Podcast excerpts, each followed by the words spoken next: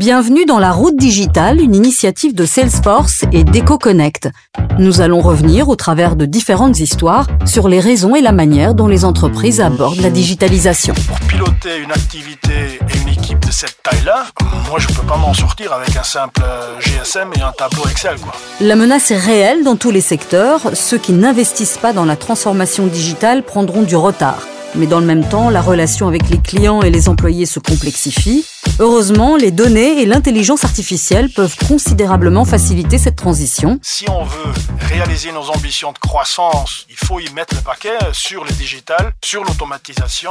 Je suis Nadia Bouria et dans cette série de podcasts, j'en parlerai avec ceux qui en sont convaincus. Nous débutons aujourd'hui avec Jürgen Vanunacker, qui a récemment accompagné son équipe de vente dans un processus de digitalisation chez Lombard International Assurance en tant que responsable du développement commercial en Europe. Bonjour Jürgen et bienvenue dans ce studio. Bonjour Nadia. Jürgen, votre histoire est intéressante parce que votre secteur, la gestion du patrimoine, a beaucoup changé euh, au fil des années. Quels sont aujourd'hui les changements que vous voyez bah, dans le secteur et euh, chez Lombard International Assurance en particulier? Tout à fait, Nadia. Peut-être, si vous permettez, je vais, je vais essayer de brièvement positionner un petit peu la société. Donc, on est, on a une compagnie d'assurance. On fait des, des assurances vides de branche 23. Et en fait, on est spécialisé à développer des solutions assurantielles pour une clientèle haut de gamme, sophistiquée et fortunée. Et en fait, c'est la seule chose qu'on fait. Donc, notre business model euh, sur papier est très simple. Hein. Donc, on est très niche, on est très spécialisé. Maintenant, on a développé euh, ce modèle à travers en Europe, à travers de 16 pays euh, euh, en Europe, mais depuis un certain temps aussi, on est actif sur les Amériques du Nord, les Amériques latines. On a récemment aussi créé des bureaux à Hong Kong et Singapour. Donc, l'activité de Lombard International Assurance est devenue une activité mondiale.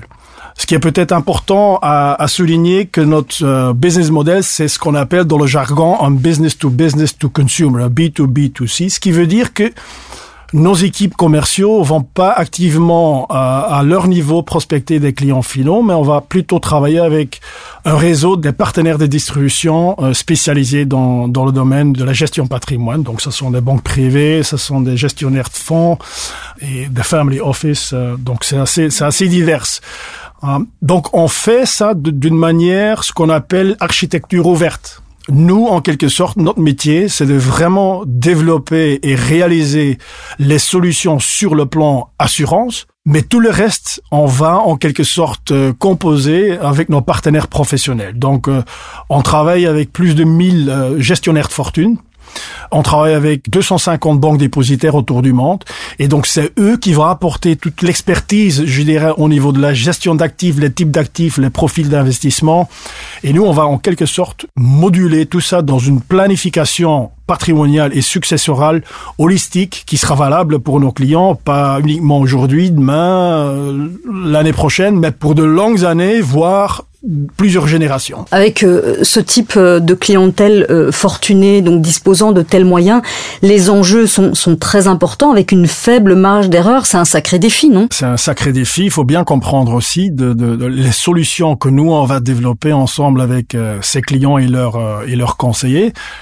C'est du vraiment sur mesure. C'est à la carte. Donc à la base, on passe beaucoup de temps avec les partenaires, avec les clients, avec toute la famille en quelque sorte, à bien faire l'inventaire de ce qu'ils ont besoin, quelles sont les priorités, quels sont les problèmes, et on essaye d'anticiper un petit peu ce qui va se produire dans le futur. Avec toutes ces informations, on va effectivement développer une solution assurantielle qui va répondre au maximum de ses besoins. Ces gens, de toute façon, sont très exigeants par rapport à eux-mêmes. Vous pouvez avoir une idée géniale, mais par la suite, c'était, c'est la discipline professionnelle et business qui, qui prévalait. Et par le même biais, effectivement, ils vont ils vont refléter ces, ces attentes et ces exigences à, à, vers nous et vers des autres partenaires euh, professionnels qui travaillent avec. Donc il y a le, le marge d'erreur est est très très minime. C'est aussi nos partenaires professionnels qui mettent la barre très haut euh, à ce qu'ils attendent de Lombard euh, sur la rapidité, euh, l'accessibilité, la qualité des données, la qualité des, services, etc., etc. Et pour revenir un petit peu à ce business model où on travaille avec des centaines de partenaires, avec des centaines de banques et, plus d'un millier, je dirais des gestionnaires fortune, ça veut dire aussi inhérent dans notre business model, il y a une complexité énorme. Ce qui veut dire, si on veut faire grandir la société, ben, on doit absolument investir de façon stratégique dans la digitalisation.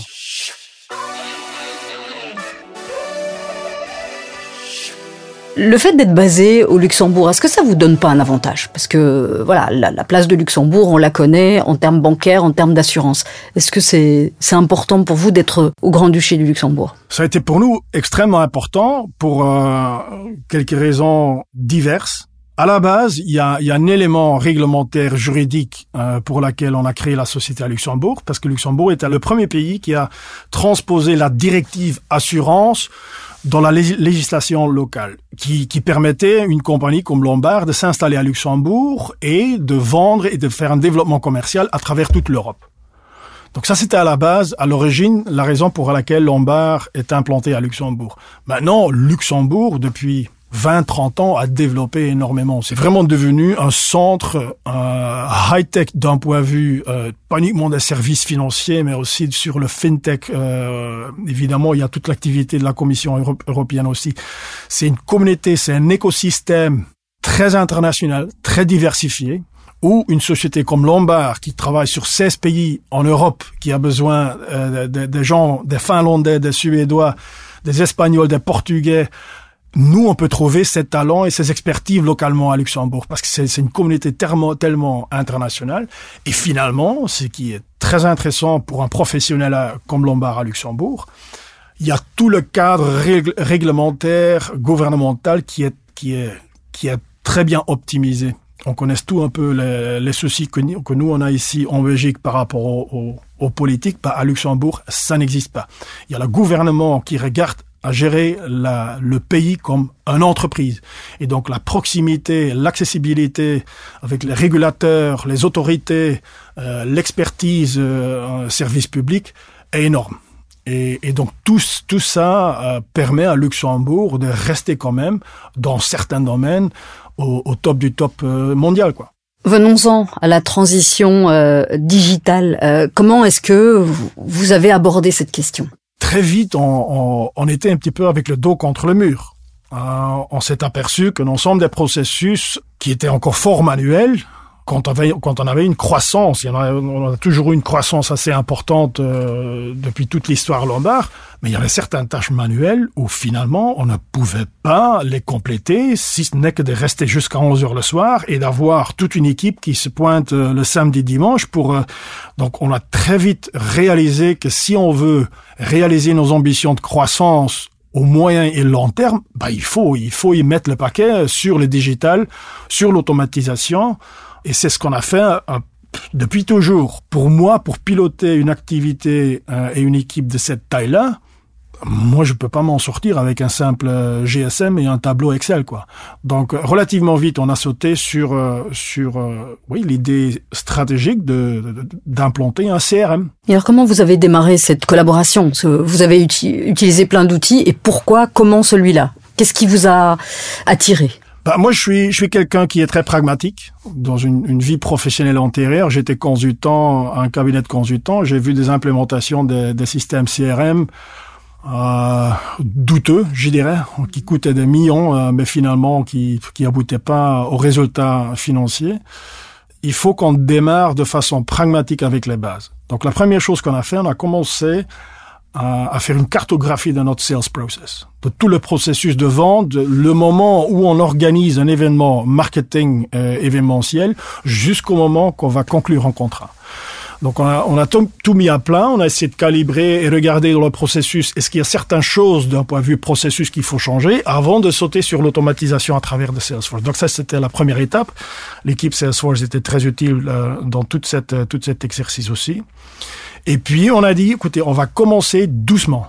Euh, donc moi, j'avais pas l'ambition après 12 mois d'avoir le Space Shuttle euh, Salesforce. Non, moi j'ai dit on va commencer doucement. Donc ce que vous êtes en train de me dire, c'est que vous avez réussi à avoir quelque chose de sur mesure. D'abord, on commence avec du sur mesure, de, de, de, de bien intégrer le, le, le, processus de vente dans, dans l'outil Salesforce. Et le processus de vente de Lombard n'est pas le même de processus de vente d'une autre compagnie d'assurance, même de nos concurrents. Donc il y a des, il y a, il y a des spécificités euh, qu'il faut qu'il faut introduire. Ce qui est très important dans ça, il y a un shift culturel qu'il faut faciliter auprès d'une équipe commerciale. Parce qu'une réaction typique et classique qu'on a des, gens euh, commerciaux par rapport à un CRM, ah bah Jürgen, vous avez maintenant installé un système pour me contrôler. Donc nous, on a, on a essayé de, de, de démarrer avec Salesforce en leur demandant de saisir un ensemble des informations et des données tout à travers du, du, du, du, processus de vente, mais en essayant de démontrer que c'est pas uniquement pour euh, pour l'avantage euh, de Jürgen, mais aussi pour l'avantage de eux-mêmes de leur donner un outil qui va leur permettre d'avoir une visibilité en temps réel sur leur pipeline, sur leur dossier en suspens, où est-ce qu'ils se trouvent leur dossier, quels sont les clients que je dois contacter euh, demain, quels sont les partenaires que je dois organiser un meeting euh, dans deux semaines, etc., etc. Donc on a commencé avec la base où chaque opportunité commerciale est saisie dans l'outil Salesforce. Et puis de là, on a commencé à mettre des couches supplémentaires. Donc maintenant, on est arrivé, après 4-5 ans, à un outil CRM assez puissant, je dirais, et assez sophistiqué, euh, ce qui veut dire qu'une fois un dossier est signé et réalisé, ben, il y a un interfaçage de, de, certaines données en Salesforce automatique dans les systèmes opérationnels qui, qui évite donc mes collègues euh, dans les départements opérationnels de faire une double, triple saisie des mêmes données. Donc on commence maintenant vraiment à perfectionner l'outil on commence à avoir maintenant une base de données assez puissante qui me permet aussi de faire maintenant euh, certaines analyses euh, me permettant de faire une prévision en forecasting nettement plus fine, nettement plus correcte qu'avant. Alors, on comprend que l'outil euh, est, sophistiqué, qui vous permet vraiment de gagner du temps, etc. Et, mais est-ce que ça a porté ses fruits? Et est-ce que ça a été euh, rapide? Je pense qu'il faut, à nouveau, je, pense qu'il faut être content de faire des petits succès l'un après l'autre. Et finalement, ce qui, ce qui moi m'intéresse, c'est pas que mes gens commerciaux passent du temps fou à faire l'administration et des opérations. Non, moi je veux que ces gens sont vis-à-vis des partenaires, sont vis-à-vis des clients, qui qui sont capables de développer euh, leur confiance, euh, l'empathie et finalement qu'on est capable de leur aider nos clients dans, dans, dans leur planification successorale. Et je pense, je pense que Salesforce nous permet jusqu'à un certain niveau effectivement de libérer cette capacité afin que les commerciaux sont, sont capables de, bah, oui, bah, de, de, passer leur temps aux, aux qui sont vraiment importantes, c'est-à-dire le développement commercial et pas faire des paperasses et, et administration euh, à l'infini. Alors à vous entendre, on a l'impression que cette transition euh, digitale a été a été simple, limpide, ça, ça, ça coule quoi. Non, non, c'est beaucoup, euh, comme on dit ça en français, trial and error. Donc euh, il y a il y a aussi certaines choses en Salesforce. Moi je me souviens avec tout mon enthousiasme analytique au début. Je me souviens encore la situation où je travaillais avec mon assistante, qui était spécialiste Salesforce d'ailleurs, qui euh, où j'étais en train de développer des tableaux de bord euh, très sophistiqués, mais finalement, finalement, c'était d'abord c'était pas utile et deuxièmement, c'était pas c'était pas possible de, de le faire. Donc à nouveau, je pense qu'il faut remettre les choses à plat de temps en temps, essayer de, de, bien, de prendre un peu de recul, essayer de bien réfléchir qu'est-ce qu'on veut, qu'est-ce qu'on veut atteindre avec Salesforce? L'outil permet de faire certaines choses, l'outil ne permet pas de faire certaines choses. Et je pense pas qu'il faut avoir l'ambition de, transformer l'outil Salesforce en quelque sorte qui va jamais aboutir. Une initiative très récente qu'on a maintenant euh, lancée, on va maintenant utiliser beaucoup plus intensivement Salesforce pour des fins de, gérer et de coordonner nos partenaires de distribution, mais qui, qui travaillent aussi à l'échelle international. Donc ça veut dire que vous êtes toujours en, en train de développer l'outil. Euh, on n'est pas à un rythme de croisière, mais on est en, en croissance. Franchement, euh, je pense que ça va jamais arrêter. Je, je, je pense qu'aussi Salesforce de leur côté, ils sont euh, euh, perpétuellement en train de réfléchir comment ils peuvent calibrer et, et, et augmenter la fonctionnalité euh, dans le système. Et, et, voilà, je pense que nous, on doit suivre la même tendance. Est-ce que vous pensez que vous seriez arrivé au même résultat aujourd'hui euh, sans cet outil? D'un point de vue pilotage de l'équipe commerciale, impossible. On peut pas réaliser un trajectoire de croissance comme Lombard euh, sans un outil comme Salesforce, c'est clair. Est-ce que vous avez le sentiment que Lombard International Assurance est mieux préparé à aborder l'avenir avec ce, ce genre d'outils? Moi, franchement, oui. Euh, parce que, mis à part Salesforce, on a, on a aussi lancé tout un programme digital qu'on a qu'on a lancé depuis euh, oui 4-5 ans à travers une plateforme qu'on appelle Connect, Lombard Connect, qui est toute une plateforme digitale euh, qui permet les partenaires et les clients de consulter leur police d'assurance, mais pas uniquement en consultation. Maintenant, on est en train de déployer une fonctionnalité transactionnelle quand les, les, clients veulent faire un, un, rachat de leur police, quand ils veulent faire des changements au niveau des bénéficiaires, etc., etc. Oui, je suis relativement confortable je, je me base sur le fait que le feedback qu'on reçoit des partenaires et des clients est, est quand même très positif. Il faut continuer à investir dans toute cette, euh, toute cette infrastructure technologique.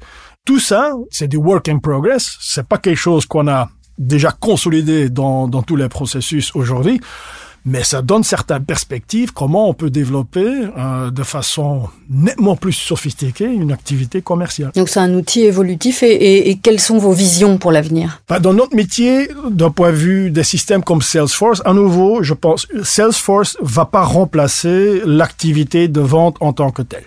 Je pense pas qu'il faut se faire des illusions, surtout dans notre métier.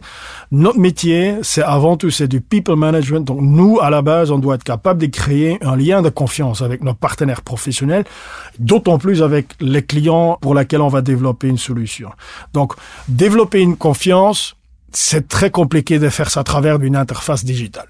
Hein, on vend pas des, euh, on vend pas des, écrans de télé qu'on peut commander sur euh, Amazon et tout ça. Chez nous, ça marche pas. Hein? Donc nous, on doit en quelque sorte toujours avoir cette opportunité d'avoir des interactions personnelles en quelque sorte avec euh, nos interlocuteurs. Ceci dit, une fois qu'on a ce lien de confiance, il y a clairement des exigences au niveau des, des, des, des, partenaires professionnels et de la clientèle d'avoir l'accès digital vis-à-vis -vis Lombard. Nos clients veulent 24 sur 7 avoir accès sur les infos sur leur contrat d'assurance. Nos partenaires veulent avoir accès et, avoir un résumé de toutes les transactions en suspens, de voir où ils se trouvent dans le processus, quand ils doivent euh, envoyer l'un ou l'autre information. Donc, je pense que le digital est devenu, pour beaucoup de nos interlocuteurs, un hygiene factor. Donc, c'est une nécessité de base afin d'être capable de fonctionner dans notre métier, afin d'être capable de faire développer une euh, le, le, commercial, quoi. Jürgen, alors c'est une question qu'on n'aime pas trop en général, mais comment vous vous situez par rapport à, à vos concurrents et est-ce que euh, cette transformation digitale euh, vous permet de mieux vous positionner par rapport, euh, par rapport à eux? C'est le one million dollar question, euh, Nadia.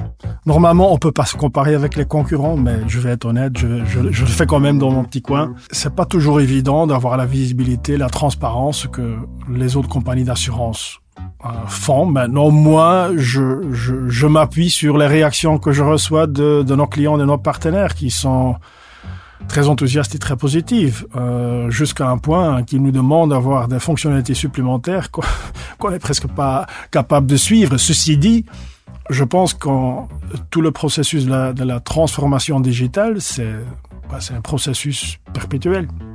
Je pense que ça va, ça va jamais s'arrêter et pour nous, c'est devenu un, un, élément stratégique euh, très très très très important. Ça fait ça fait du top de l'agenda sur tous les comités de direction, sur tous les board meetings. Donc euh, pour nous, euh, collectivement, avec tout, euh, toute la direction, pour nous, c'est devenu une priorité numéro un, mais aussi pour nos gens, parce qu'on sait qu'en leur donnant des outils digitaux, pas uniquement d'un point de vue euh, l'équipe commerciale, mais aussi en back-office, bah, on va leur faciliter leur vie au quotidien aussi. On veut pas avoir des gens qui passent des heures devant une photocopieuse de ce point de vue-là, je pense que le sujet de toute la transformation digitale euh, va être là pour euh, X années, euh, bien au-delà quand moi je suis plus là chez, chez Lombard. C'est un investissement qui était important. Est-ce que ça valait le coup? Euh, Est-ce qu'aujourd'hui, euh, en, en, gros, est-ce que vous regrettez ou vous regrettez pas? Je pense que la, la, réponse va être que vous regrettez pas, mais je pense que la, la question financière, elle est toujours, euh, elle est toujours là. Oui, bah il est clair que Lombard, c'est pas, on n'est pas une charité, donc si on demande aux nos actionnaires d'avoir un budget d'investissement dans le digital, bah il est clair que on n'a pas le chèque blanco à remplir. Il faut, faut créer tout un business case euh, et toute une argumentation pourquoi on veut investir autant dans l'auto-outil digital. Et par la suite, oui, ça fait, ça fait objet d'une discussion assez, assez animée au comité de direction et au, au comité de conseil, c'est clair. Mais c'est comme ça qu'il faut gérer une société.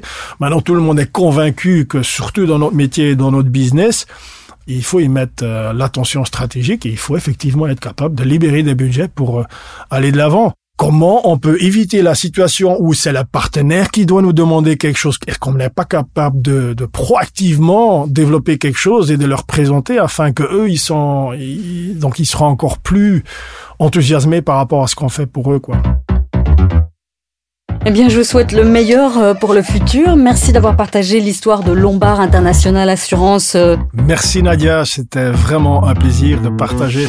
Dans le prochain épisode, nous examinerons de plus près l'importance croissante des données et qui de mieux pour en parler que Salesforce. Marc Swerlo, country leader Belgium et Luxembourg, et Ibrahim Ouassiri, CEO de Molangeek, nous parleront de leur parcours numérique pour attirer de nouveaux talents.